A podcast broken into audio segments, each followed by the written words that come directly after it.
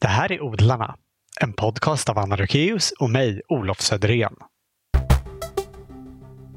Innan vi börjar vill vi tacka ett par av våra sponsorer. Det är dels Grönyte Konsult AB som saluför proffsredskap för beskärning.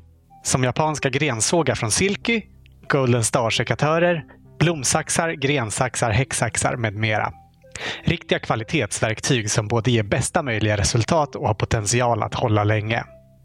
Hela sortimentet hittar du på gronytekonsult.se. Tack Grönytekonsult! Vi sponsras också av Nelson Garden som förutom ett brett utbud av grönsaksfröer har en hel del ekologiska blomfröer i sitt sortiment. Kolla till exempel in den roströda solrosen Velvet Queen. Förutom skönhet kan den bidra med mat till humlor och bin och dessutom till småfåglarna som brukar älska att picka i sig solrosfröer under hösten. Och på tal om nyttodjur så har Nelson också ekologiskt utsäde till en mix av växter som ger mycket nektar. Tübingen Mixture heter den.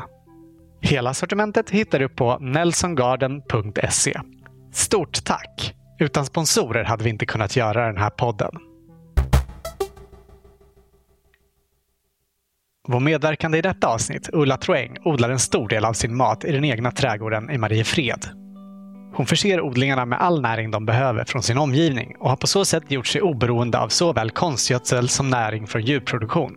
Ett sätt att odla som har sin grund i hennes veganism. Ulla var med och grundade Sveriges veganförening redan på 70-talet.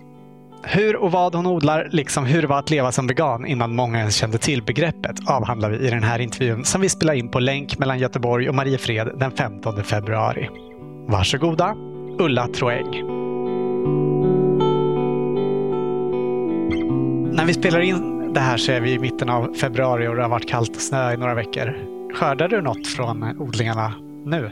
Nu när vi har tror jag, 30-40 centimeter snö ute så är det bara grönkålen som sticker upp. Den är också väldigt översnöad men eh, det är ju bara att skaka av lite snö så kan jag skörda den. Så den äter jag utav varje dag.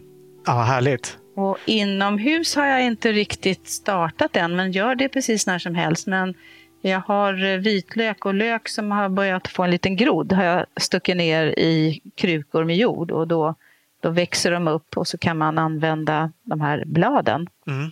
och, och klippa. Klippa ner i sallad eller klippa på smörgåsen. Gott. Ja. Eh, vad äter ni från trädgården om man räknar in sånt som har sparats sen sommaren och hösten? Eh, ja, vi har ju haft potatis fram till nu. Och eh, tomater hade vi också fram till jul. Tomater och paprika. Men sen kokar jag in eh, på burk eh, tomater så att det blir eh, tomatkross. Och det räcker hela året om. Så det äter vi, äter vi ju flera dagar i veckan. Och sen så den här paprikan eh, som vi har färsk fram till jul, det blir otroligt mycket paprika. Så att eh, när jag känner att nej, men det här kommer vi inte hinna äta i kapp eh, vecka efter vecka, då så har jag fintärnat det och sen fryser jag in det i lådor som jag har i frysen. Så när vi gör till exempel någon soppa så skrapar jag helt enkelt loss lite grann fintärnad paprika och, och toppar soppan med. Sen har vi ju hela tiden väldigt mycket frukt och bär, så vi har ju bär för hela året. Och eh, frukt som brukar räcka fram till slutet på mars eller någon gång in i april. Så vi, vi äter ju frukt. Jag, jag äter till exempel havregrynsgröt nu, nu då, varje morgon och då har jag fintärnade äpplen, eh, färska och sen så har jag bär från frysen. Gott. Är det någon särskild eh, paprikasort du odlar? Jag gillar de här eh, avlånga, Mm avlånga paprikor, eh, röda helst, men eh, jag har även gula då. Så jag skördar både gula och gröna och röda. Och eh, eftersom jag sparar frön och får frön från olika personer så har jag ganska dålig koll på vad det är för sort. Utan huvudsaken är att det blir paprikor utav det, för jag tycker väldigt mycket om paprika. Så jag brukar nog ha kanske en hundra planter, någonting sånt, med paprika och någonting mellan 150 och 200 planter med tomater. Så det, det är det som jag, som jag absolut toppar med. Eh, och sen är det grönkål och svartkål. De är ganska mycket bas i kosten. Mm. Och tomaterna och, och eh, paprikan, den, den har du utomhus? Ja, precis. Jag har en utomhus. Så jag, jag använder mig utav altanen. Jag har ju en väldigt stor altan. Mm. Och eh, dit kan till exempel inte mördarsniglar komma. Och där blir också väldigt gynnsamt odlingsklimat för att det är ju mörkt det där träet och så står det krukor mot eh, husväggen. Ja. Eh, så hela husväggen och alla kanter på altanen och, och trapporna upp där, det står väldigt mycket tomater och eh, paprika. De brukar stå ganska sent på hösten också, får de stå ute. Och sen mm. flyttar jag ju in dem när det, blir, eh, när det blir kallt. Det är lite olika från år till år. Det har ju varit ganska milda höstar nu. Så det har ju varit faktiskt eh, slutet på oktober, ibland ända in i november som de har kunnat stå ute. Men sen flyttar jag ju in dem så att då står det precis i varenda fönster. Fönsterbrädor och jag har bänkar och det är som en djungel överallt. Mm. På farstukvisten och i badrummet och i köket och i alla mm. rum finns det paprikor och tomater. Härligt. Eh, ja, och sen så, så håller jag ju som sagt på och kokar in hela tiden tomater. Så ja, det får väl plats kanske en kanske en 12 burkar på en plåt och så tar ju det ett par timmar och, och koka in. Så det kanske blir en sats om dagen när det är som högsäsong för tomaterna. Mm. Och hur gör du för att koka in tomaterna? Eh, jag, eh, om det är småtomater så bara häller jag ner dem i en burk och sen så stoppar jag ner knogen och pressar sönder dem. Och så blandar jag i vitlök och basilika och lite andra kryddor. Och så trycker jag ihop alltihopa så att vätskan står över tomaterna. Och eh, det är ungefär en centimeter kvar upp till topp. Och sen häller jag på en matsked med olivolja. Och sen in i ugnen på ungefär 110 grader.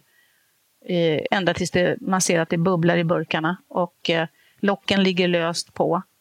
Och sen tar jag ut dem och skruvar till locken. Och då hör man efter en minut ungefär kanske hör det där klicket som gör att det blir vakuum i burken. Mm, när locket sugs in ju, liksom. Ja, så håller det sig sen över ett år. Ja. Men eh, jag brukar torka tomater också. Mm. Det, det, det beror på vad det är för väder.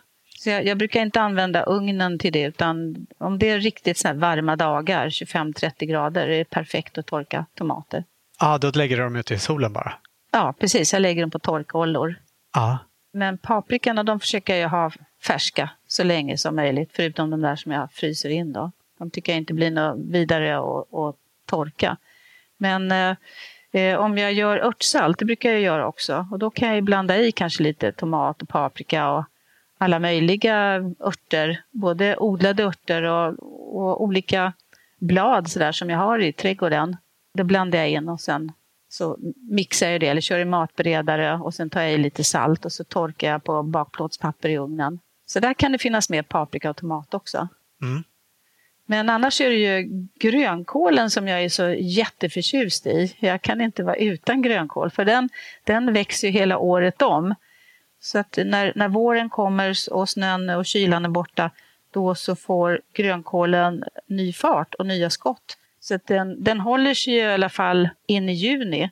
Mm. Så jag kan skörda av den hela tiden ända tills den nya grönkålen som jag har sått tidigt på våren då, när den har kommit fram, då är det dags för den att, att sättas i jorden och då mm. får den gamla lämna helt enkelt. Ja, jag tycker nästan den kan vara ännu godare på våren när, när den skjuter nya skott. Sådär. Ja, den har en helt annan smak tycker jag. Ja. Det är väl det att den har varit med om det där kalla vädret som har gjort att smaken har förädlats på något sätt. Ja, men precis. Sen, så, sen brukar jag ju få problem, fast jag bor här inne i stan, i Mariefred, så brukar jag få problem med att det kommer in rådjur. Mm. De är väldigt duktiga på att hoppa över vad som helst och eh, vissa år har jag även haft älg inne. Och, Oj, och eh, rådjuren kan jag ju hålla bort genom att jag nätar runt dem eller placerar något föremål så att de inte kommer åt. Men älgen, den krossar liksom allting. Så att eh, där har jag inte en chans.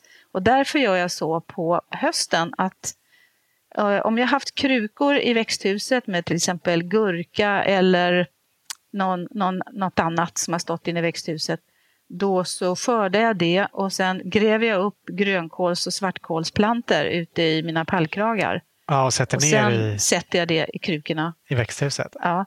Och då har jag en garanti för att all grönkål inte blir uppäten av en eventuell älg. Mm, för där går den inte in jag i har- alla fall. Nej, jag har ett litet extra förråd Mm. där. Och grönkål, den, den använder jag jag använder den nästan varje dag och det, det är väldigt mycket i sallad. Mm. Eh, Jag kan göra smoothie på den och sallad och sen eh, gillar jag att ta bitar utav den och lägga på mackan Ja, på morgonen. Om jag har något pålägg. Eh, Det kan vara sesampasta eller jordnötssmör eller ajvar eller något pålägg som jag gillar. Och sen så dekorerar jag med ett jättelass med grönkål uppe på. det låter gott. Det är jättegott. Har du haft besök av älgen nu i år? Nej, men rådjur har jag sett. De har kommit in nu när det har blivit mycket snö. Men eh, de har inte lyckats komma åt eh, min grönkål ännu faktiskt. Utan de har bara strosat runt där och har väl känt de goda dofterna men de har inte kommit på hur de ska bryta sig igenom. För att i år, eller förra året så gjorde jag också en konstruktion med, eh, jag satte pinnar i varje hörn på pallkragarna och sen så satte jag hönsnät runt om. Mm. Så att det är i alla fall högre upp än vad ett rådjur är stort. Ja, I mina odlingar så försöker jag ju använda saker som annars blir slängt på olika håll. mm. Och då upptäckte jag, för vi skulle åka till Brädgården och köpa någon sån här rundstav. Och så att ja, högre växter skulle ha att klättra på. Och då upptäckte vi att på Brädgården så har de massa lattor som eh, grövre plankor ligger på. Och alla de där lattorna, de slänger de bara eh, i en Ah, container. Just det, det brukar väl ligga mellan lagren av plank. Eh, just precis, tunna. Mm. Och ehm, så det, det där sa de, åh, ta gärna så vi slipper slänga där i containern. Så det var bara att plocka med sig. Ah, bra tips. Och eh, de där var perfekta att bara trycka ner i hörnen på pallkragarna. Mm. Och även bra stödpinnar till eh, tomater. Ah, smart. Vi kan ju tyvärr inte vara på plats och se din trädgård på grund av pandemin. Mm. Eh, Vill du beskriva hur det ser ut för oss och lyssnarna? Ja, det är en vanlig villatomt. Eh, Det är villatomter här runt omkring. Och tomten är på lite drygt 900 kvadrat. Mm. Så det är ju ett hus som står på en del och en altan och en pool som tar upp en del plats också. Och sen är det fruktträd. Och eh, en del då utav trädgården är avsedd för pallkragar. Och eh, där har vi gjort så att vi har lagt ut väv och sen eh, tippat sand uppe på.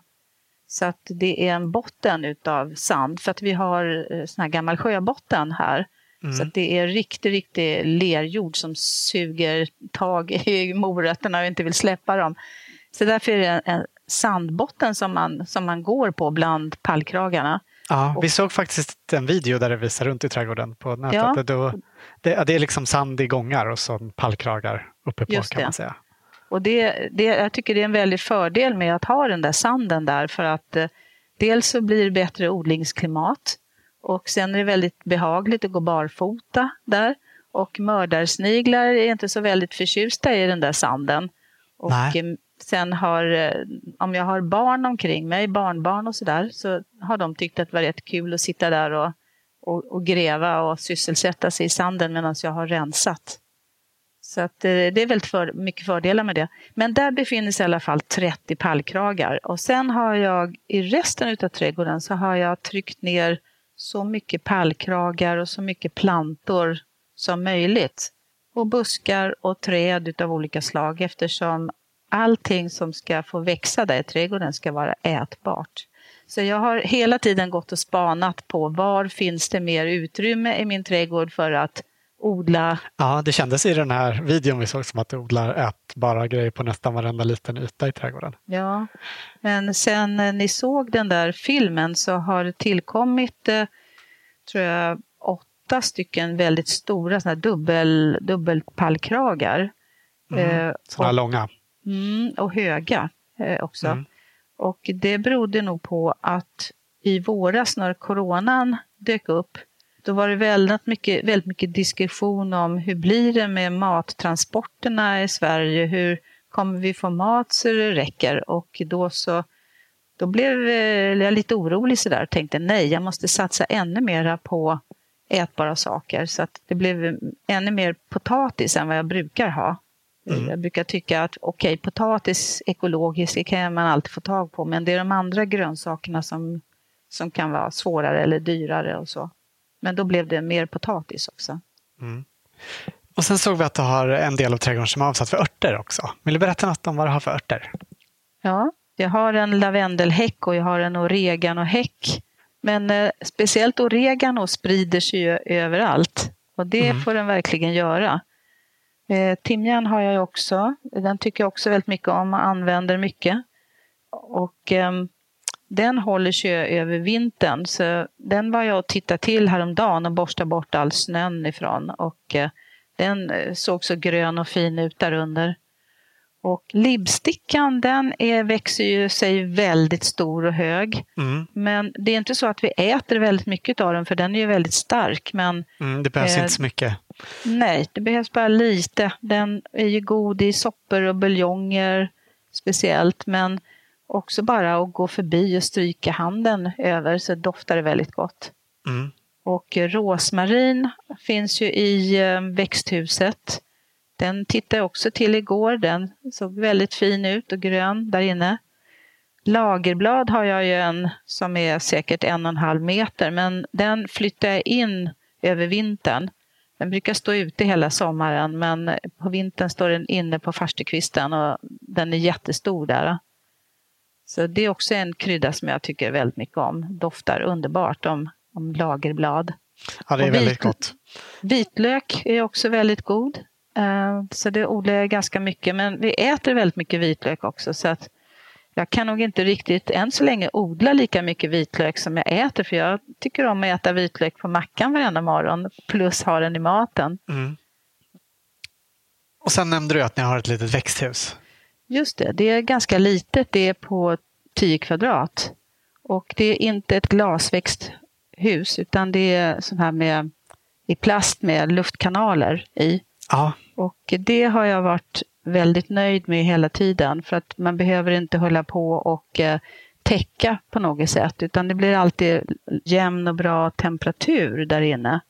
Eh, och även på våren när det är ganska så kallt ute så blir det snabbt väldigt varmt där inne. Ja. Så ja, jag är väldigt nöjd med, med odlingen där. Och eh, på våren när jag har massor med eh, lådor med små planter, då springer jag ju ut och in med de där plantorna eh, för att placera på hyllorna i växthuset över dagen och sen så på kvällen så tar jag in det för jag har inte någon uppvärmning i växthuset. Mm. Så att eh, det blir ett riktigt Lite pyssel med det. pass. ja, ja.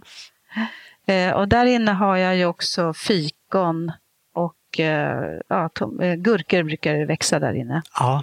Mm. Och sen sa du att du brukar ha kål under vintern. Ja, just det. Eh, vi vet att du klarar det utan eh, kommunalt vatten till odlingarna, trots att ja. du bor i en tätort. Ja. Vill du berätta hur? Eh, när, vi, eh, när vi köpte vårt hus här så, så var det så att eh, alla hus i det här området, vilket är ungefär 110 hus, eh, har ett sjövattensystem mm. som anlades när man byggde området på 60-talet. Så att vi är visserligen vi har, vad kan vi ha? Vi kanske har 500 meter ner till Mälaren. Men det går alltså, det finns en pump som ligger nere vid vattnet och sen så pumpar den vatten upp till alla de här 110 husen. Mm. Eh, det finns ytterligare en sån Som ett parallellt eh, vattenledningssystem? Liksom. Ja, just det. Och det finns ytterligare ett område i stan som också har sjövatten. Aha. Ja, så det gör ju att vi, vi har obegränsat med, med vatten hela tiden. Det, det, det låter ju som en toppengrej, något som borde finnas på kanske många fler ställen. För särskilt de senaste åren har det varit problem med låga grundvattennivåer på många håll. Ja, det betyder otroligt mycket, men ändå så vi, vi sparar ju ändå i vattentunnor för att ibland så händer det att det blir något stopp i systemet. Någon får någon läcka någonstans och så stänger man kanske av en dag Eh, och därför så vill vi alltid gardera oss med att vi har vatten i tunnorna. Så vi samlar ju på regnvatten och fyller upp tunnorna med sjövatten också. Mm. Eh, vi har ju en pool också. Ja. Och den fyller vi med sjövatten också. Så det är mm. inget kommunalt vatten i den. Nej, bra. Och den är ju vår extra reserv om något skulle hända. Ja, just det. Kan ni ta vatten därifrån till tomaterna. Ja. ja. Eh, hur länge är det ni har bott där ni bor? Eh, vi har bott här sedan 80. Så drygt 40 år? Ja. Så när vi, när vi började och flytta in här då var det bara gräsmatta. Och eh, då så hade vi någon liten plätt längst ner i trädgården som vi skulle odla morötter och potatis på tänkte vi. Men då var det just det här att det var gammal sjöbotten. Så våra grannar stod och tittade på oss och undrade hur ska det där gå? För ni kommer aldrig få upp de här grönsakerna. Så jag bröt av en grep och en spade och hade, jag vet inte om jag fick upp någonting från det där men efter det så började jag ju odla i ruta istället, upp, upphöjda rutor. Mm. Men med, med, fyra barn så tyckte jag det var väldigt svårt att få tiden att, att räcka till och rensa. Jag tyckte att ogräset lätt fick överhanden. Men just det här att odla i ruta 120 eh, gånger 120 centimeter, det var, det var väldigt bra för då, det var mer hanterbart. Då kunde jag säga mig att nu tar jag en ruta idag, så tar jag en ruta imorgon. Men med pallkragarna så blev det ungefär i samma stil. Mm. Men att eh, det blev lite mer behaglig eh, jobbhöjd när man får upp det lite grann. Mm. Hur kom det sig att ni hamnade i Mariefred? Vi är uppvuxna i Stockholm båda två. Ja, du och din man. Men, eh, ja, men eh, på 70-talet, så här, det var ju väldigt många som flyttade från storstaden då. Ja. Och eh, sökte ett annat sätt att leva. Eh, så vi började också fundera på det. Och det slutade med att när vårt första barn föddes då flyttade vi till Dalarna mm. och, och, bodde där några år. Och då jobbade jag på eh, hälsohemmet Tallmogården. Mm. För jag jobbade som sjuksköterska då på den tiden. Och eh, sen så tyckte vi väl efter några år att vi längtade när, tillbaka, närmre till, vi hade ju våra familj och vänner och så i Stockholm. Eh, så att vi ville komma närmre dem. Och eh, vi ville gärna bo i eh, eget hus. Mm. Men vi tyckte det var så höga priser i Stockholm så det kände vi inte att vi hade råd med. Och då tyckte vi att Mariefred var ett bra alternativ. För att det var fortfarande ja, lite landsbygd med mycket, mycket skog och natur och, och nära till vattnet.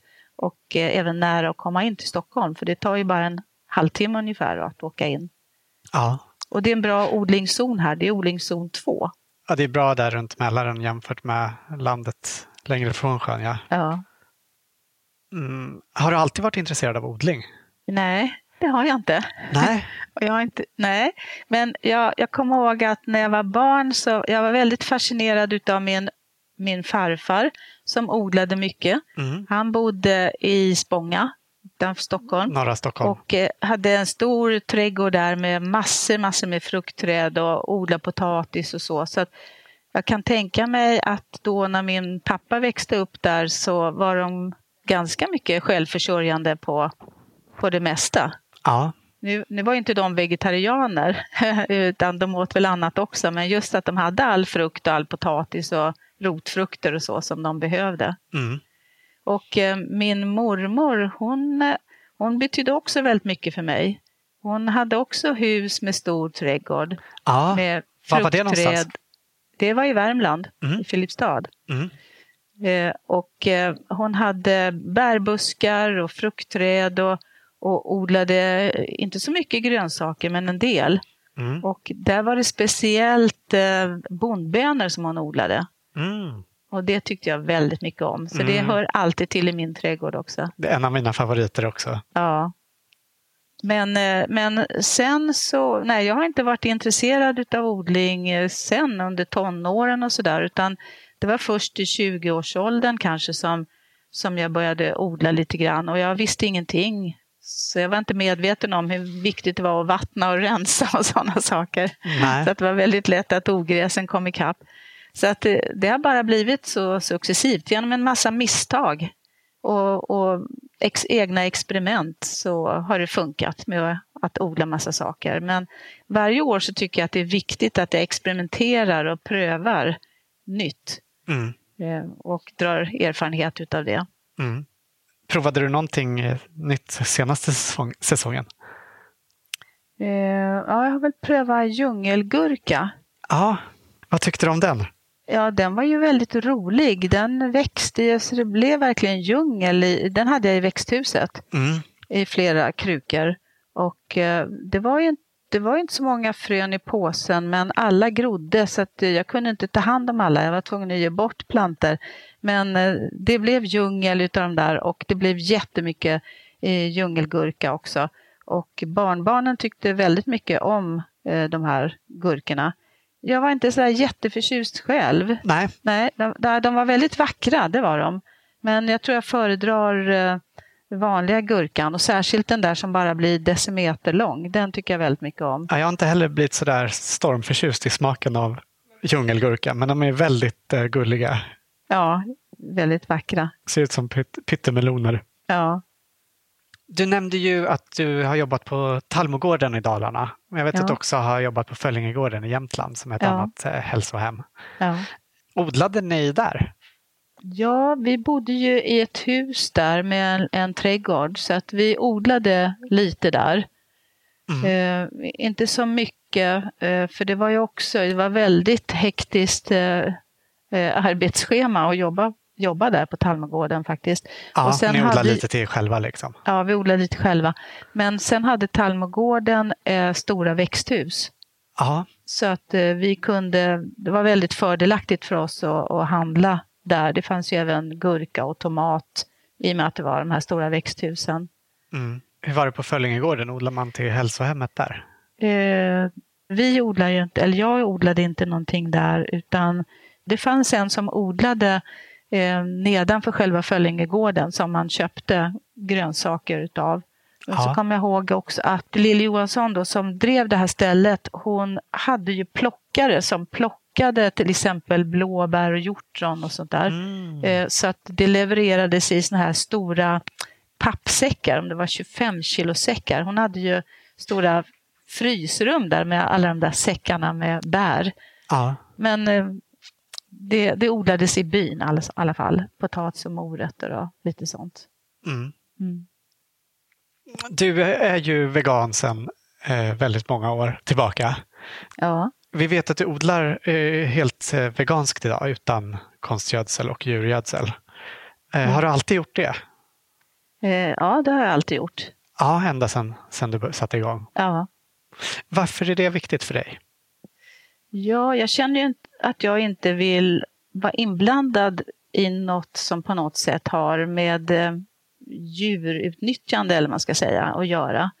Och eh, därför, ja, därför så har det självklart blivit så att eh, jag inte använder gödsel från kor till exempel eftersom kor eller grisar eller höns, de är ju vanligtvis instängda någonstans och används just för att de ska bli animaliska matprodukter. Så därför vill jag inte ha med det att göra heller. Eh, varken äta, äta djuren eller använda något som bidrar till vinsten utav dem så att säga. Nej, precis. Så därför använder jag ju annat att gödsla med. Mm. Att inte stödja djurindustrin är ju såklart skäl nog, men jag tänker att det i framtiden också kanske kommer bli nödvändigt för fler att hitta andra sätt att gödsla. Alltså oavsett om man är vegan eller inte, med tanke på att eh, djurhållningen står för omkring 15 procent av världens utsläpp av växthusgaser. Om, om vi ska minska djurhållningen så måste vi såklart, såklart också hitta andra sätt att göda växterna. Precis, det har ju också varit ett viktigt argument för mig. Jag är ju väldigt engagerad i miljöfrågor. Så att eh, därför, med, med tanke på det som du sa där, så är det väldigt viktigt att, eh, att vi har någon form av självhushållning. Mm. Och, kan, och kan producera gödslet själva. Ja. Och, men vi, vi, vi människor producerar ju en hel del gödsel mm. som bara går till spillo. Det förorenar ju istället. Mm. Vad gödslar du dina grödor med? Ja, det är lite olika. Jag använder ju till exempel nässelvatten. Och sen har jag också vallört, mm. alltså comfrey. Eh, det växer ganska så mycket här runt om i trakten så det är inga problem att få tag på det. Nej, du, du plockar ut det i det vilda liksom? Ja, precis. Och eh, blötlägger då och eh, vattnar med det. Mm, på samma sätt eh, som man gör nässelvatten? Ja. Ja och eh, sen så använder jag guldvatten också, alltså mm. mänskligt urin från familjen eh, på vissa saker. Eh, sen så när jag rensar, när jag mm. rensar ogräs, då så brukar jag ta det här ogräset och så lägger jag det runt växter. Och sen använder jag bokashi och sen så får jag ganska så mycket gräs, både från min gräsmatta, eller kanske inte så mycket från min gräsmatta, för det är ju inte så mycket gräsmatta längre. Nej, det har ersatt den med odlingar. Men jag får från grannarna. Jag har en granne som har en jättestor gräsmatta mm. och de klipper den där två gånger i veckan och det blir hela berg med gräs. Ja, som de eh, inte vill ha. Ja, Vilken och, guldgruva för dig. Ja, jag går dit med skottkärrelass. Liksom, jag springer fram och tillbaka och hämtar det där gräset. Så det är ju helt perfekt. Så det kan jag lägga både i krukor och direkt på jorden. Just det. Eh, just det här med att använda grönmassa och även guldvatten, det är också ett sätt att knyta ett nära kretslopp för alla oss som inte har ett överflöd av djurgödsel i vår närhet. Vi är till exempel många som odlar i, i städer och tätorter. Det är ju såklart bättre att ta vara på de resurser som ändå finns där i ens närhet än att eh, gå och köpa gödsel på säck? Eh, ja, för man får ju till exempel inte glömma bort att man kan få gödsel eller extra näring från eh, kompost. Nej. Och eh, om man har en trädgård då, då är det ju lätt att ha en kompost. Men om man inte har en trädgård utan man kanske har kolonilott eller man kanske odlar i krukor på balkong eller någonting, då kan man ju ändå använda bokashi. Mm. Och det är ju helt enkelt så att man sparar sitt, eh, sina matrester, alltså grönsaksrenset, eh, till att det går ner i jorden igen. Och det är, ju, det är en speciell komposteringsmetod som, ja, man kan använda en speciell bokashi-behållare men man kan också använda en hink som man får hämta gratis på pizzerian. Det viktiga är att det är liksom ett lock som inte släpper in någon luft på den här hinken. Ja, och sen så lägger man ner sitt grönsaksrens där och eh, ett eh, bokashi-pulver som gör att det blir som fermenterat det hela. Mm. Och så står det, det kan stå inomhus utan att det ger någon lukt, eh, så står det en 14 dagar ungefär. Och sen så blandar man ner det i jorden eller också sparar man det om det är vinter så att man sen gräver ner det på, på våren. Och det är ju, det är ju en helt naturlig idé helt enkelt för att såklart när man äter morötter och potatis och äpplen och allt möjligt så blir det ju skaldelar över och det är ju helt galet att slänga det i soporna istället för att gräva ner i jorden och tillföra jorden näring igen. Ja, precis.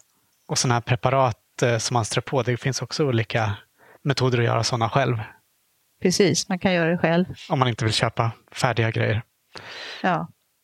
Med allt det där som man odlar, när man odlar, det är ungefär som när man ska äta. För att du kan gå iväg och köpa bönbiffar men du kan även ta bönor och göra biffar själv. Så att det beror ju helt på vad man har för ork och vad man har för möjligheter, vilken nivå man lägger sig på. Ja. Så det finns alltid möjligheten att göra allting själv. Ja, men precis. Mm. Är det här med att eh, liksom hålla sig oberoende av djurindustrin, är det också en anledning för dig att odla? För jag tänker att om man inte odlar själv så är det ju i princip omöjligt att välja bort mat som inte är beroende antingen av djurindustrin eller av konstgödsel. Ja, jo, det är ju, det är ju ett skäl varför jag vill odla själv. Men sen, så, sen är det en annan viktig orsak. Det är ju för att, att eh, man blir ju ganska så lycklig av att odla. Mm. Man, blir, man blir glad och det känns, man känner sig rik helt enkelt när man går ut i trädgården och, och sen hämtar de grönsaker man själv har odlat och sen hela måltiden består utav det. Mm. Det känns helt fantastiskt och att man blir väldigt avstressad och, och lugn och harmonisk när man, när man sitter där ute och rensar eller man skördar eller bara sitter där ute och tittar ut på, sin, på sitt eget lilla paradis. Mm. Mm. Härlig känsla. Ja, det är det den där lyckoeffekten är väldigt viktig med. Mm. Vi har ju pratat om eh, veganodling i några avsnitt tidigare av Odlarna.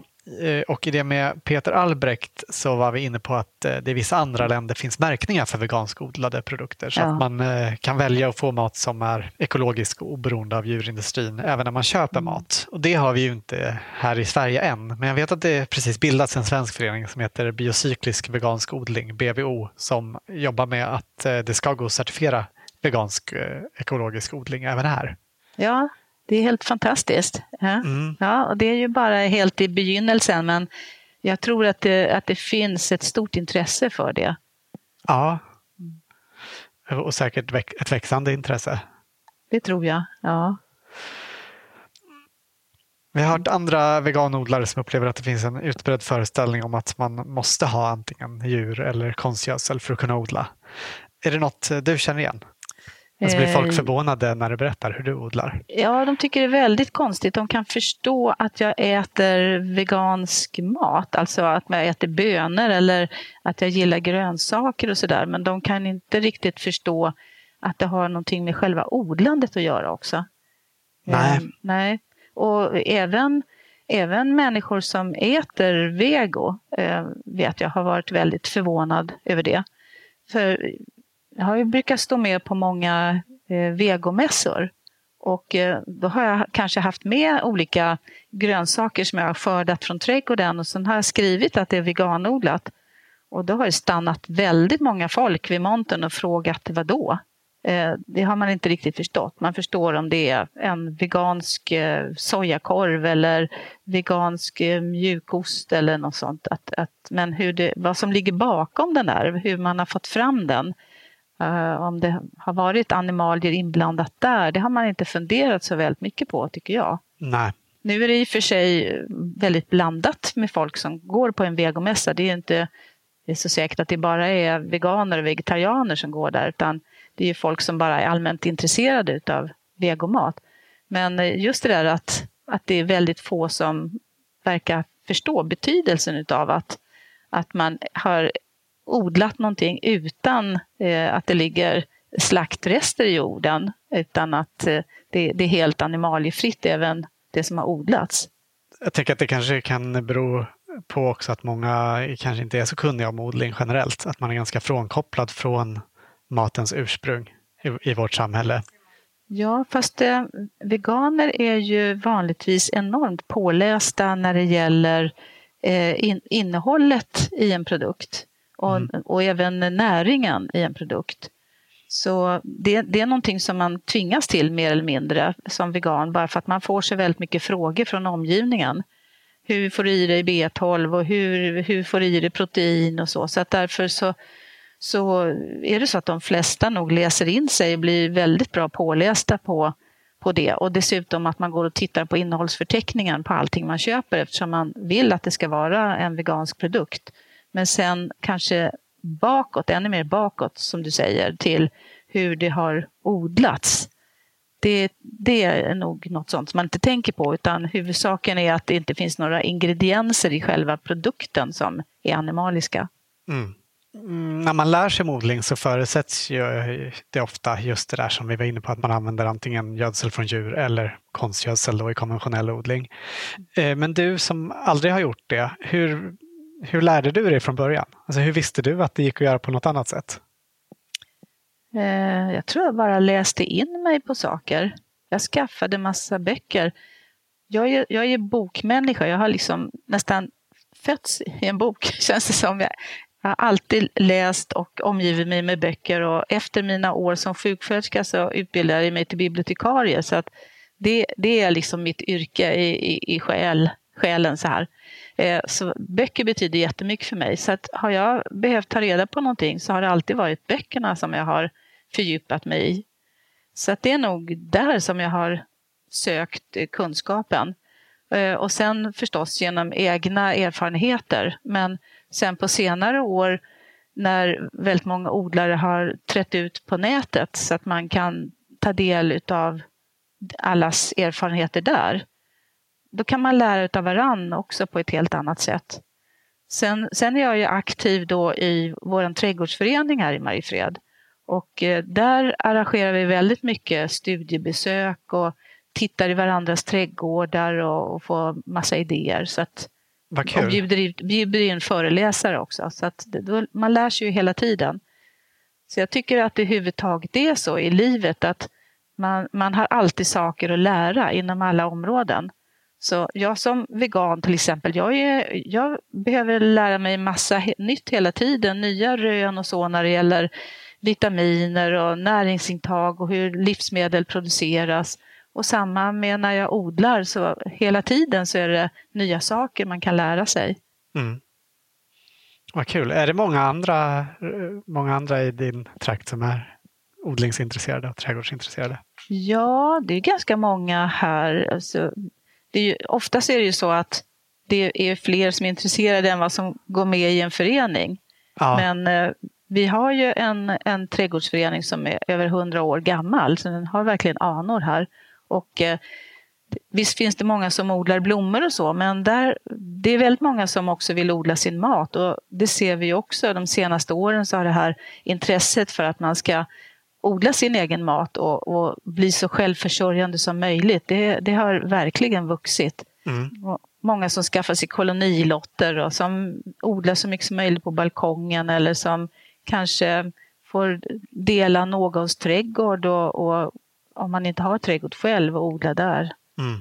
Så det, det är väldigt, väldigt roligt tycker jag, det här intresset för att eh, odla sin egen mat. Och det tycker jag jag ofta stöter på när jag, när jag går ut på stan så kommer folk fram och vill prata och så säger någonting om det. Att, att, ja, jag vet ju att du odlar och vi tycker också att det är jättespännande nu och, och nu i coronatider så här så har vi tänkt också att vi måste bli, odla mycket mera och, och lära oss mer. Och, så, så det är många som, som eh, just på grund av den här eh, isoleringen som har varit eh, har blivit mer intresserade av att odla.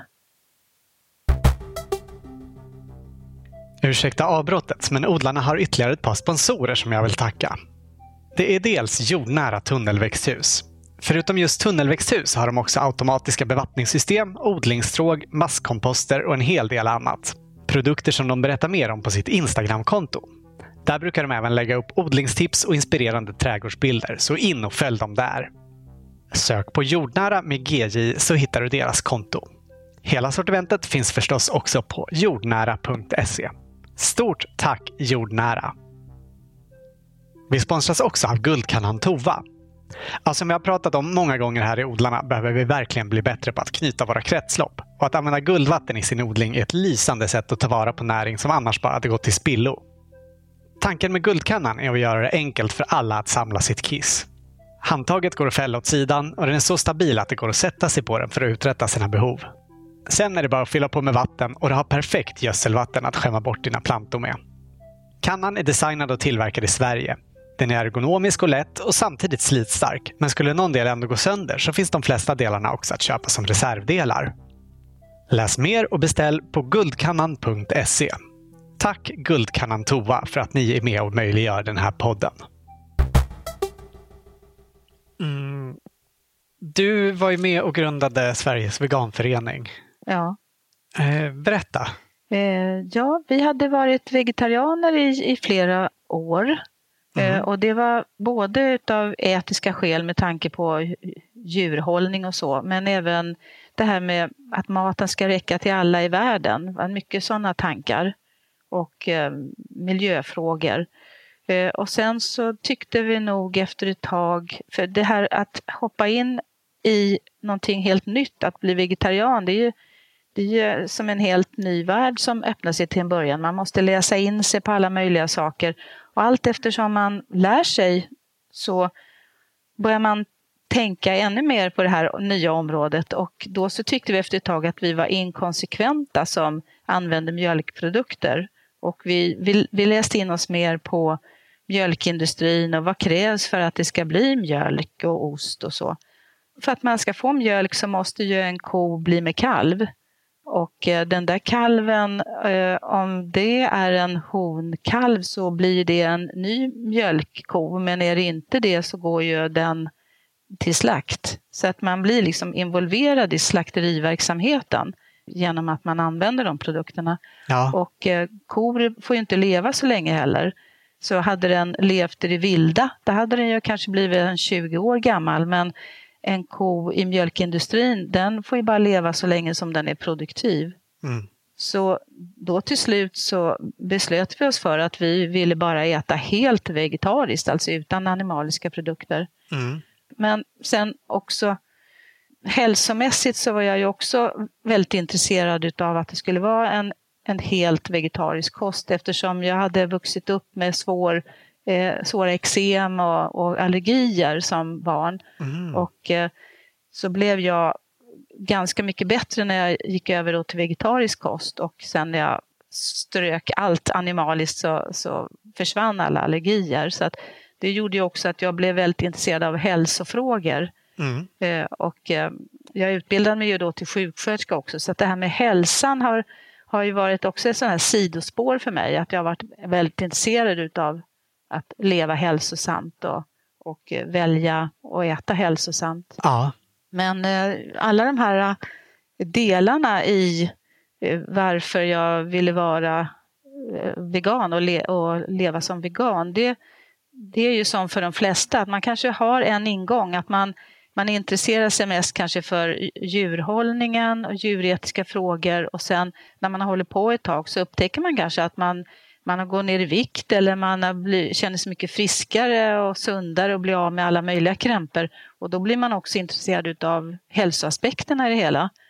Och eh, redan då på, på 60-70-talet så var ju miljöfrågorna väldigt viktiga för många. Och det här med jordens resurser, rättvisefrågor, hur maten ska räcka till alla i världen. Mm. Och för en del är det ju kanske också religiös religiösa skäl som gör så att alla har liksom olika ingångar men många gånger så kommer alla bitarna med mer eller mindre mycket mm. när man har gjort det här valet till att äta vego då. Mm. Till 100 procent eller till mera procent, alltså mer eller mindre procent. Ja, men precis. Mm. Men hur kom det sig då att, eh, att ni grundade den här föreningen, Sveriges veganförening? Jo, vi hade varit medlemmar då i Vegetariska föreningen Mm. och mm. gick med i Djurens Rätt också. Men så tyckte vi att i väldigt många sammanhang där man skulle äta någonting så var det så att vi inte kunde äta bara för att det var inte veganskt. Och då tyckte vi, ja men, oj vad inkonsekvent det här blev, eller det blir lite jobbigt att man inte fick gehör för de här frågorna, förståelse för det. Så då, då så upptäckte vi att det fanns en veganförening i England och då hade vi inte ens fattat att vi var veganer. Vi, vi, visste inte att det där begreppet fanns. Utan vi upptäckte veganföreningen i England och så gick vi med som medlemmar där. Och eh, då efter något år kanske så tänkte vi att ja, men det kanske finns fler än vi som är medlemmar i den engelska föreningen. Alltså fler här i Sverige? Ja, och eh, då tog vi kontakt och sen träffades vi och sen så var det ett jätteentusiastiskt eh, möte kan jag säga. Så mm. då beslöt vi helt enkelt att klart att vi bildar en sån förening i Sverige. Mm. Och, och det gjorde det? vi då 1976. Mm. Ja. Så då bildade vi förening och eh, ja, ganska så snart så gav vi ut eh, tidning som kom ut med tio nummer per år. Och, och vi var ju då det enda forumet för ja, för vegankost och, och, vi köpte in böcker från England och USA och de böcker som kom ut på svenska. Och vi var ju den informationskällan som fanns då för då kunde folk inte googla fram uppgifter utan då var det ju att skriva brev eller ringa på 70-talet. Eh, så att eh, vi fick ju väldigt mycket kontakt med folk då som var intresserade och ställde frågor och ville veta mera. Mm. Men nu har det blivit superenkelt att bara googla fram frågor om recept eller näringsfrågor eller etiska frågor, vad som helst. Ja, det känns ju som att det måste vara ganska stor skillnad mm. att vara vegan på 70-talet jämfört med nu. Ja, det är en helt otrolig skillnad. Att det är så, det är så lätt att, eh, att hitta den maten man, man vill äta. Och det, fin, det finns veganmat överallt och alla alla fabrikanter verkar vara väldigt måna om att de ska ha produkter som det står att det är, det är veganska produkter. Och restauranger också. Men tidigare när man gick på restaurang eller café så, så tyckte folk bara att man var konstig som efterfrågade någon vegansk bulle eller vegansk rätt. Men nu är det ju bara självklart att det ska finnas överallt. Så att det har ju verkligen underlättat. Det är verkligen in, ingen pro problem liksom, att vara vegan och hitta veganmat. Ja, det känns ju som att det har hänt jättemycket bara de senaste åren. Liksom. Ja, för varje år som går så tycker man oj vad fantastiskt, kan man räkna upp en lång lista med, med, med saker som har hänt som är helt strålande. Men sen nästa år så blir det ännu mer nyheter inom det här området. Ja. Mm. Men eh, det händer ju fortfarande att eh, veganer blir ifrågasatta. Men hur var det med det på 70-talet? Ja, det var ganska mycket så. Inte utav våra släktingar och vänner för att eh, nej, de accepterade det väldigt bra och, och eh, när man kom och hälsade på så hade de alltid gjort någon rätt. Alltså, den, den, maten man fick då, den var ju helt vegansk. De hade verkligen ansträngt sig. De var jätte, jättebussiga vänner och släktingar som gjorde det. Mm, Men fint. annars om man var på andra ställen så med folk som man inte kände så då var det ju inte så självklart att, att det skulle funka. Så jag, har nog, jag har nog varit med i ganska många situationer där jag har förbokat eh, att jag skulle få veganmat och de har sagt att det är inga problem. Och sen så, så har jag kanske fått en potatis eller jag har fått en hög med ris. Eh, och sen har alla andra suttit och ätit liksom massor med andra rätter. Mm. Och jag kanske frågar, men vad är proteinet? Liksom, varför fanns det inte någon, någon, någon biff eller så till det här? Mm. Men eh, då har man verkligen inte haft någon koll och, och inte varit intresserad heller. Nej, tråkigt när det är så. Mm. Men, och förr så var det ju så att eh, när någon som var åt vego skulle gå ut på restaurang så valde man att bara gå till en vegorestaurang där man garanterat fick den maten. Mm. Men så är det ju inte längre utan nu kan man ju gå till vilken restaurang som helst egentligen och sen få ganska så bra veganrätt. Mm. Bara till exempel här i, i, i, min lilla stad, här finns det två pizzerior och båda skyltar med jätteanslag om att de också har veganpizzor. Mm. Och faktiskt var det så igår så tänkte vi att vi skulle ha sån här utomhuspicknick här eh, med våra barn och barnbarn mm. och ät, just äta pizza. Så då så var vi iväg och, eh, och köpte pizzor då till alla. Och de var ju helt fantastiskt goda med, eh, med aubergine och squash och tomatsås och vegoost. Och, ja, jätte, jättegoda var de. Mm. Mm. Vi pratade lite i början om eh, sånt som ni äter från trädgården även nu på vintern. Ja. I vilken grad är ni självförsörjande på mat från odlingarna? Eh, ja, frukt och bär är ju helt och hållet. Och tomater och paprika och eh, Eh, Eh, grönkål och svartkål och ja, lök och vitlök är kanske i alla fall åtminstone halva året. Eh, samma med morötter och potatis.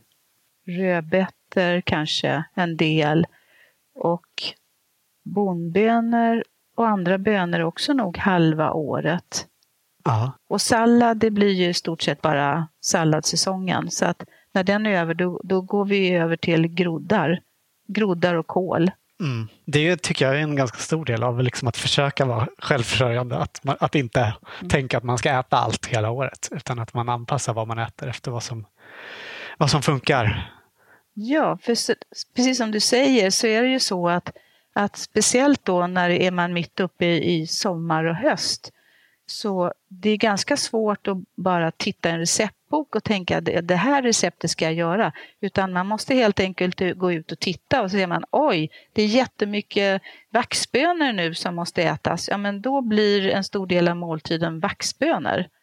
Vaxbönor och potatis och ja, lite tomater och lite annat. Så, så att det som är färdigt att skördas, det måste man äta.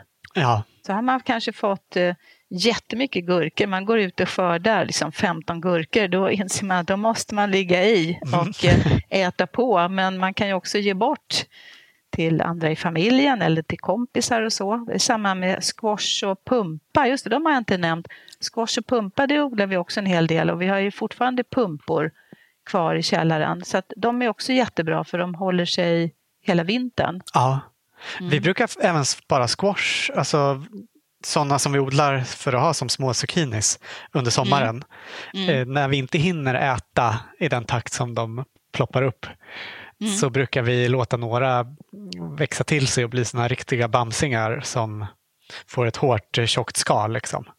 Och de, och de håller sig ungefär som en pumpa. Som vi, lägger, alltså vi har dem typ i bokhyllan hemma. Ja. och vi har kvar nu. Fast de blir lite annorlunda då. De blir liksom mer åt pumpahållet fast inte lika söt som en pumpa. Typ. Ja. Och inte jättegoda att äta bara som de är men väldigt goda i en tomatsås eller så. Ja just det, eller ugnsbakade blir de ju också. Jättegoda. Ja men precis. Ja. Jag älskar också den där känslan av att det inte är samma hela tiden. Alltså varje gång någonting nytt börjar komma så blir man ju så glad när man, ja. får, man får eh, in nya, nya smaker i maten liksom, som man kanske inte ätit på nästan ett år. Det kan vara sockerärtor eller första ja. räddisorna, salladslöken. Ja, ja ljuvligt ju. Mm. Uh, Mm, hur var det? Du har ju fyra barn och nu är de vuxna, men när de bodde hemma, hur, hur pass självförsörjande var ni då? Eh, vi odlade en del, men inte lika mycket. För att eh, eh eftersom jag både jobbade heltid och eh, jag pluggade också, så att eh, då, så, då hann jag inte med att odla så mycket, utan eh, det var bara vissa grödor då. Ja. Så det var som ja, sallad, potatis, morötter, de här enkla eh, grönsakerna. Men eh, alltså, vi hade ju alla, all, inte så mycket bär kanske, men ganska mycket bär och frukt och sådär. Så att, eh, men då var det så att då var vi nog tvungna att köpa in ekologiskt odlat. Så då hade jag kontakt bland annat med Paul Typen i Eskilstuna.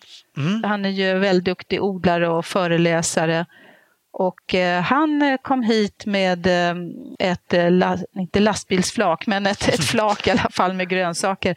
Ah. Och så, ah. då var vi ett antal familjer, vi hade matlag då. Mm. Ett, ett veganskt matlag.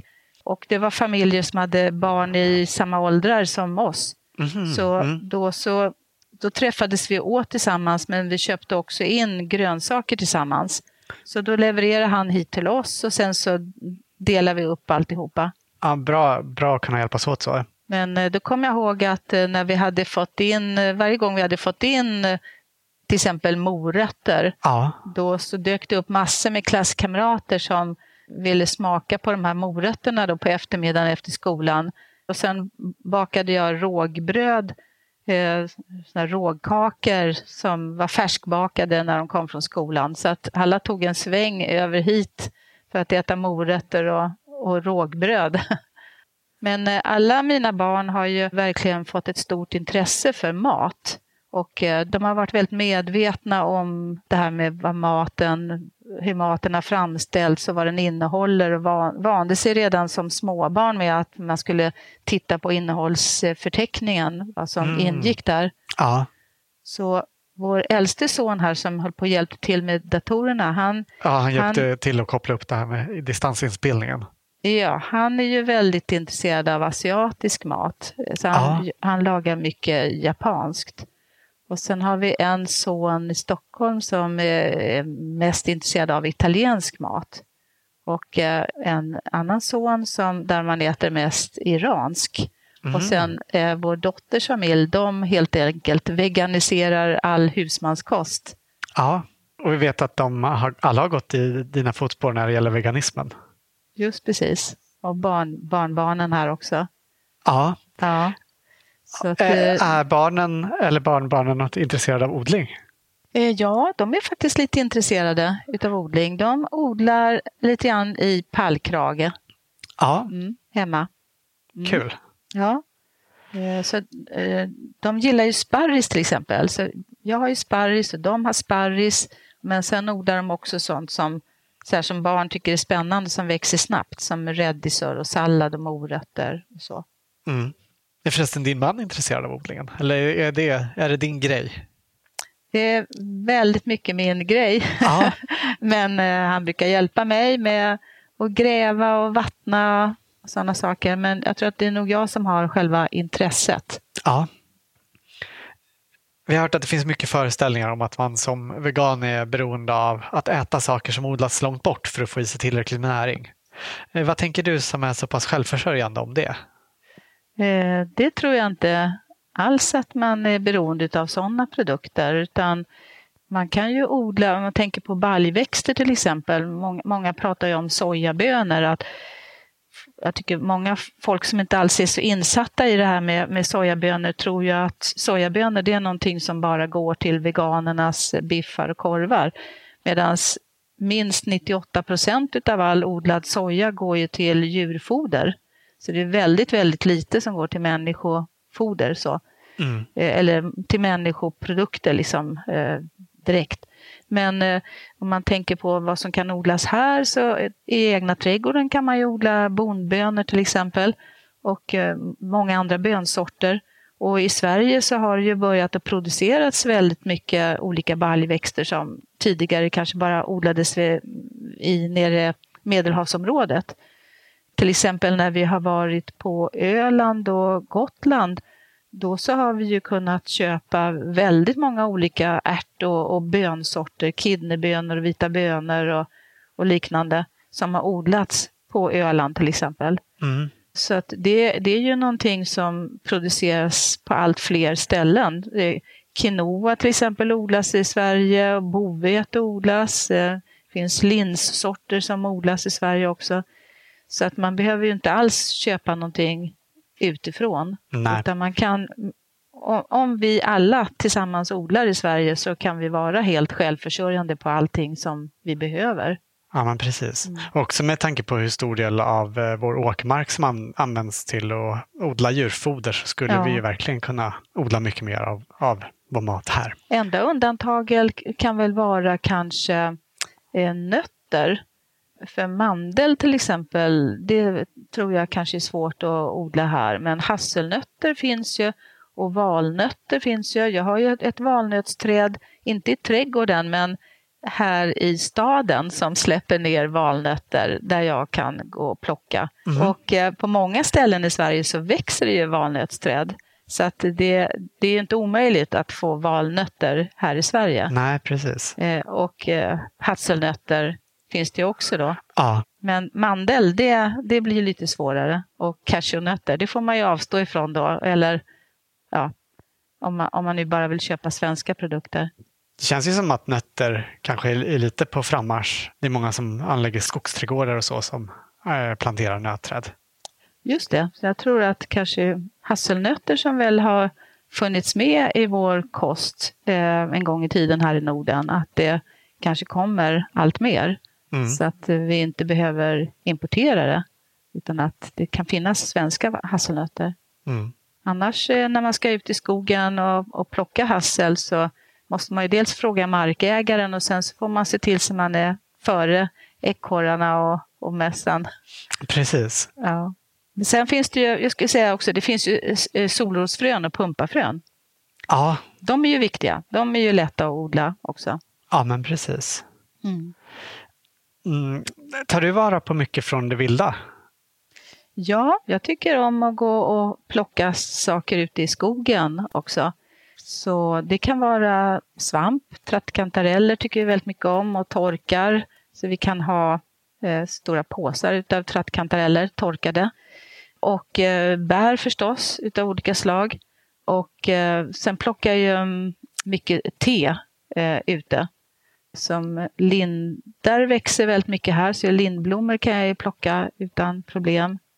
Eh, och plocka mycket blad från olika träd och så, både i min trädgård och ute i skogen. Och eh, olika örter allt ifrån eh, från nässlorna som är väldigt användbara till, och löktrav som är väldigt gott att ha i sallad. Mm. Så det, det, finns ju väldigt mycket att plocka. Och både vår, och sommar och höst så brukar jag ströva mycket på fälten och i skogen och, och plocka enbär och nypon och, och slånbär och, och vildkörsbär. Ja, och olika gröna blad mm. helt enkelt från olika växter och örter som jag torkar. Ja. Rönnbär plockar jag det finns mycket att ta vara på. Ja, det finns väldigt mycket gratis mat. Man riktigt häpnar hur mycket det finns. Ja. Vad gör du med rönnbären? Eh, rönnbären brukar jag torka. Ja. För de är ju ganska så bittra att, att äta. färska och så. Men mm. de är bra att torka. Och sen, Hur använder du dem då? Eh, antingen bara tugga i med något eller också så lägger jag det i gröten eller i, eh, i müslin. Mm. Och, och slånbären, eh, där jag är van från min barndom är att min mamma gick ut och plockade slånbär och så gjorde vi saft på det.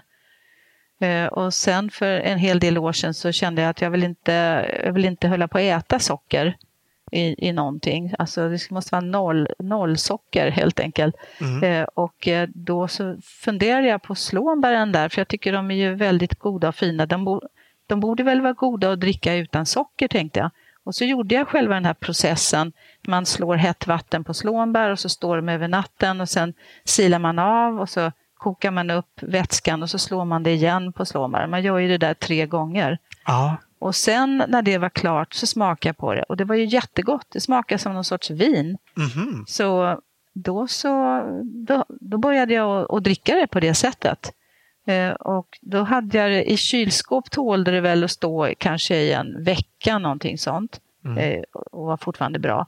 Men sen så, så hade jag jättemycket små pappmuggar. Så då hällde jag upp en deciliter i varje pappmugg och frös in det.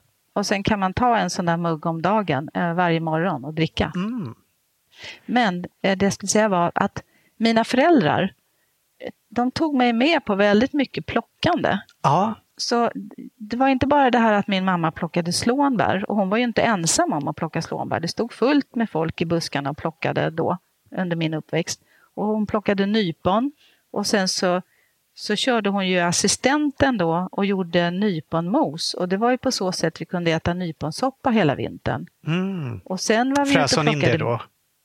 Eh, nej, hon frös inte in. Jag vet inte om vi hade någon frys. Utan, nej. Inte då, utan hon helt enkelt eh, steriliserade burkar med det. Mm. Och sen så hela höstarna så var vi ute och plockade blåbär och lingon och svamp. Varenda helg var vi ute och plockade.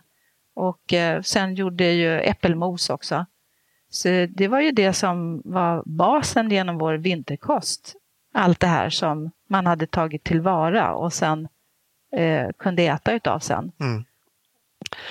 Något som jag tycker är viktigt där i odlingen också, det är alla sådana här grödor som klarar sig själva, som betyder mycket, som mm. Eh, bär och frukt.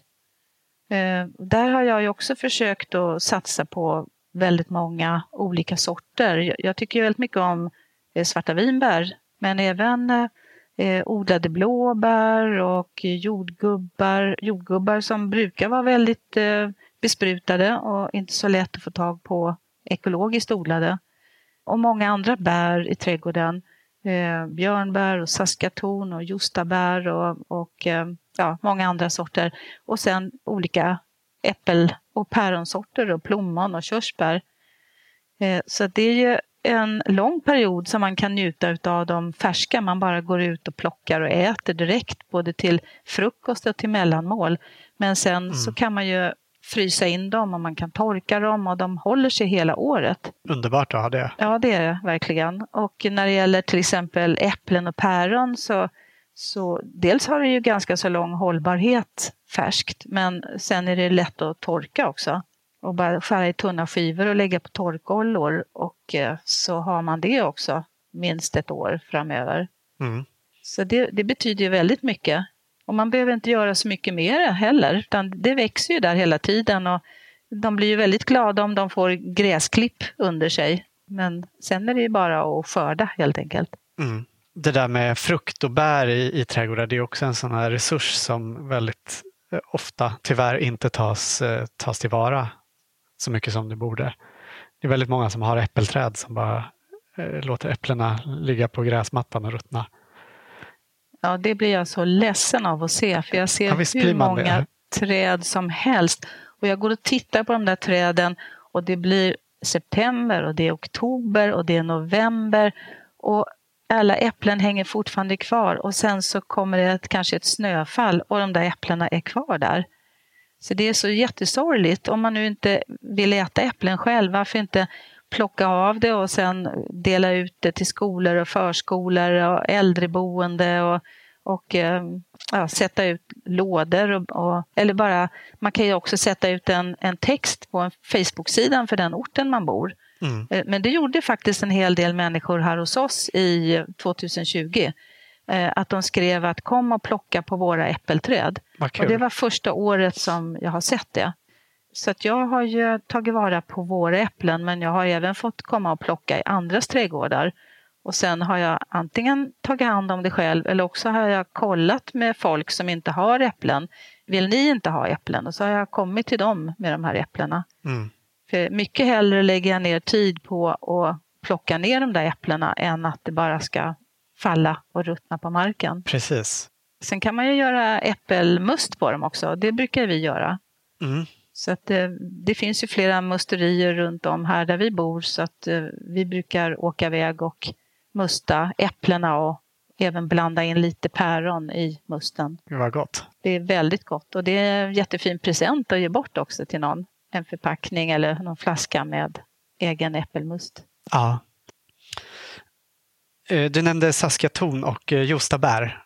Mm. Vill du berätta vad det är om det är någon som inte känner till? Ja, Saskatoon det är ju ett, eh, en busk eller buskträd med eh, bär som ser ganska mycket ut som blåbär. Mm. Kan man säga. De blir lite, först är de lite rödaktiga, sen blir de mörkare blå sen.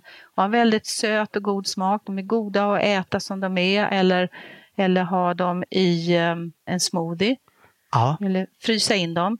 Fåglarna är väldigt förtjusta i dem också så man får vara snabb med att skörda dem eller också lägga på ett eh, fiberväv på så brukar det klara sig. Mm. Och jostabär det är en blandning av svarta vinbär och krusbär. Ja. Så de är lite större än svarta vinbär men har ungefär den smaken. Eh, mullbär har jag ju också, men jag tror att egentligen så bor jag lite för högt upp för att de där ska trivas, för de blir ganska så små, den sorten jag har i alla fall. Men eh, de är jättegoda och de producerar ju bär från juni och långt, långt in sent på hösten. Mm. Så jag kan gå ut varenda morgon och, och plocka mullbär och stoppa i munnen eller ha i, i frukosten. Mm. Det känns så lyxigt med mullbär på något sätt tycker jag. Ja. Eh, blåbärstry är något annat som jag är väldigt förtjust i. Mm. Det är ju likt blåbär och den kommer ganska så tidigt i juni. Och eh, lite större än blåbär, väldigt eh, välsmakande. Och den är väldigt lätt att ta sticklingar ifrån. Så att, eh, jag har tagit en hel del sticklingar och eh, fått upp flera buskar. Då. Och då ska man ju gärna ha flera olika sorter eh, för att eh, då liksom pollinerar de sig bättre. lättare. Ja. ja bättre. Som ger större, större skörd på det sättet. Mm. Sen, och aroniabär har jag ju också. Och det är ju många som har aronia som häckbuskar och inte är medvetna om att det är ett väldigt näringsrikt bär som växer där. Så det är jättesynd om man inte tar hand om de där bären. Den är väldigt god att eh, göra sylt på eller saft eller bara frysa in och ja. eh, ha en dessert till exempel. Jag vet, jag vet, att det är många som tycker den är lite sträv i, ja, munnen. Men, då men blir det sägs bättre... att den blir bättre om man sparar sylt eller saft ett tag. Ja, eller om man fryser in den att den ja. är frostnupen. Mm. I Östeuropa där har man odlat och eh, använt både till att göra saft och, och sylt men även att färga tyger med. Mm. Sen såg vi i den här videon att du odlar kiwi också. Ja, minikiwin den, den ger ju väldigt mycket frukter. Ja. De är väldigt små, de är ungefär bara vad kan det vara, två centimeter långa. Det finns ju där också väldigt många olika sorters kiwi. Ja, men den här, de här blir små, men de är ju inte håriga så att man kan ju äta hela kiwin utan problem. Mm, som ett bär. Men ett där brukar bär. det bli hinkvis utav den där. Ja. Men det är samma där, att fåglarna är ganska intresserade så att man måste också vara beredd på att ligga steget före. Ja. Sen någonting som jag tycker väldigt mycket om det är ju havtorn. Den, den brukar jag ju också få kämpa lite med fåglarna. Jag har märkt att skatorna är intresserade av. Okay. Så där måste jag också vara lite före dem mm. och skörda havtorn. Och de fryser jag bara in och sen så, så kör jag dem helt enkelt i mixen och eh, silar bort skalen och sen har jag det som måltidsdryck. Mm. Och persika har du också? Ja, just det. Persikaträd. Fast eh, i, förra året gjorde jag ett misstag med dem.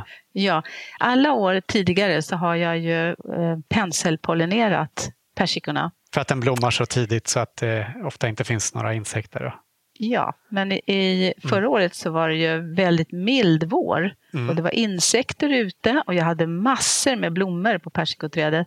Så då tänkte jag att det här året så kommer det nog inte behövas någon penselpollinering. Mm. Men det hade det nog behövts för det blev inte så många persikor utav de där blommorna. Nej, vad synd. det kommer jag fortsätta att penselpollinera. Ja, det låter som ett väldigt jobb att penselpollinera ett träd. Ja, det är det ju. Men jag, brukar, jag har ju citronträd också och de brukar jag också penselpollinera. Men eh, då går jag från blomma till blomma och sen går jag tillbaka. Så varje, varje gång som jag går med penseln så, och så återkommer jag till alla, alla blommor som är öppna för säkerhets skull. Mm. Man förstår ju vilket jobb bina gör och hur mycket vi behöver dem. Ja, ja det är viktigt. Vi brukar ha sådana här insektshotell som hänger lite här och var i träden. Mm. Så att eh, humlor och, och bin och insekter kan eh, trivas där. Och sen har vi vår häck som är till ena grannen. Det är sådana här eh, snöbär. Och ja. Eh, det blir ju massor med små, små rosa blommor som bin och eh, getingar också, men bin älskar de där. Det surrar och surrar i häcken. Mm. Så det, det bidrar ju också till att, att eh, buskarna och träden blir pollinerade av alla de här insekterna. Och sen så har jag väldigt mycket lavendel och oregano. Och den här oreganoblommorna gillar ju insekterna också. Så jag försöker ha mycket sådana örter med, eh, som, som insekter tycker om. Finns det några ytor kvar i trädgården som du har planer på att odla upp eller är, är det fullt? Det är ganska fullt. Det finns lite, lite ytor kvar. Mm. Så vi får se vad vi hittar på i år, om vi lägger till någonting. Ja, har du några ja. särskilda planer? Nej, det är nog Ja, det här mer, mer plats för potatis och vitlök skulle inte vara så dumt. Det är ju sånt som vi äter så mycket av. Så att, men egentligen har vi ju egentligen för liten trädgård för våra behov. Så antingen skulle vi behöva en större trädgård eller också arrendera någon mera markbit någonstans för att kunna odla ännu mer. Ja. Eh, är det någonting mer som du skulle vilja att vi pratar om innan vi slutar? Jag tänkte på det där som jag sa förut, att det finns väldigt mycket, eh, mycket saker som man eh, kan få tag på utan kostnad.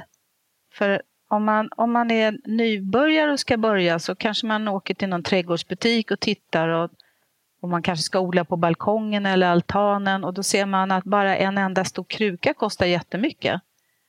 Men eh, alla matbutiker som får snittblommor levererade och, och blomsteraffärer varje sån här kruka som kommer till dem kanske varenda dag, det kastar de sen. Eh, så det är bara att gå iväg till en affär och fråga så får man eh, högar med såna här krukor som man helt gratis odlar i. Och även affärerna har ju godislådor som mm, också blir slängda. Toppen. De är jättebra. Alltså mm. Man kan förvara fröer, man kan odla i dem, man kan förvara mat i dem i kylskåpet. Ja, man kan ha dem till väldigt mycket. Mm. Vi brukar göra små eh. växtkuverser av dem för att driva upp plantor i. Just det, det är jättebra. Mm. Ja. Så det finns, det finns väldigt mycket som man kan få utan kostnad så att det behöver inte vara dyrt att odla. Och när det gäller fröer då kan man ju byta. Man, man kan, eh, om man inte känner någon som odlar så kan man ju ta kontakt med någon odlarförening och, och eh, som vi här till exempel, vi har ju fröbytardagar både på, på våren och på hösten när man kan byta frön med varann. Och har man någon kompis någonstans som kanske också odlar, då är det bara att man skickar några fröpåsar till den och sen så kanske de har någon annan sort som de kan skicka. Mm. Och sen finns det ju såna här fröbytarkedjor också på nätet där man kan få fröer. Så att det behöver inte kosta någonting helt enkelt. Nej, precis. Och samma med plantor, att det brukar ju vara sådana här plantbytarträffar också. Mm. Och då, kan man, då kanske man har, se om man, om man sår eh, en påse med tomatfrön så kanske man har fått 50 planter och man kanske inte vill ha så många av den sorten. Nej. Men man låter dem ändå växa på så kan man ju byta med någon annan sen då. Mm. Och toppen också som du var inne på, att ta vara på gräsklipp från grannarna till exempel. För det är också näring som ändå bara finns där som, som annars eh, förmodligen bara ligger och regnar bort. Ja, och samma med blad. Mm. Ja, blad som har fallit ner från fruktträden, att man sparar på det.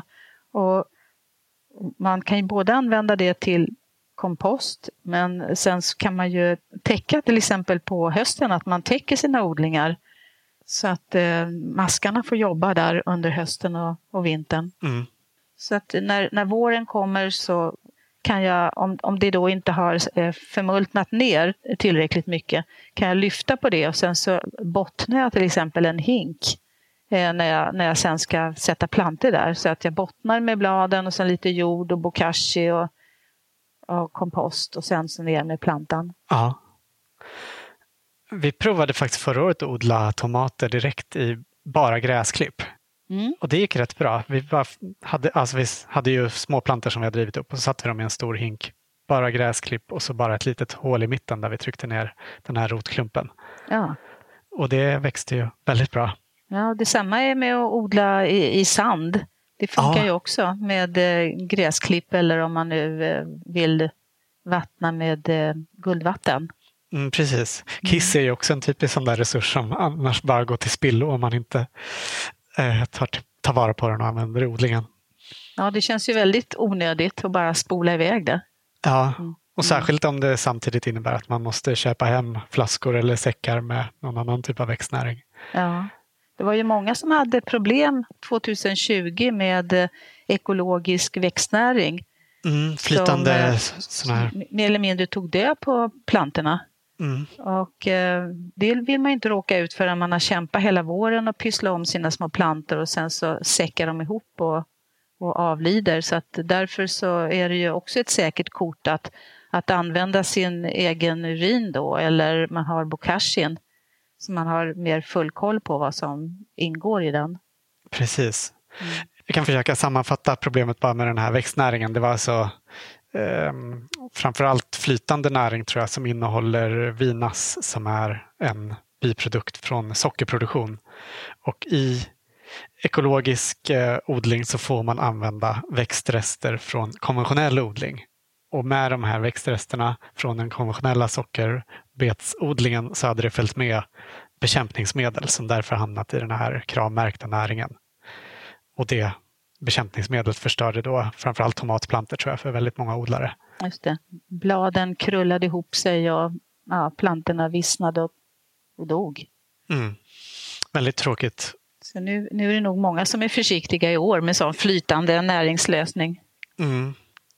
Får man eh, göra sin egen av nässlor eller, eller kiss istället? Ja. Man kan ju ta vilda växter också. Ja. ja alltså alla möjliga maskrosblad och allt möjligt. Ja, men precis. Vi har en liten tradition i det här programmet att vi alltid brukar avsluta med att få medverkande för sitt bästa odlingstips. Har du något att dela med dig av? Ja, alltså det, mitt bästa odlingstips är nog att odla grönkål. Mm. Eftersom det är någonting som växer hela året och det är maximalt med näring i det. Och man kan äta det som chips, man kan äta det i sallad, soppa, grytor. Det finns oändliga möjligheter. Eh, och den är lättodlad också. Så det är mitt bästa tips. Det är toppen ju med sånt som man kan äta hela året runt. Ja. Du, tack så jättemycket för att eh, du tog dig tid för oss. Vad kul att prata med dig. Ja, tack själva. Jätteroligt att prata odling. Tack!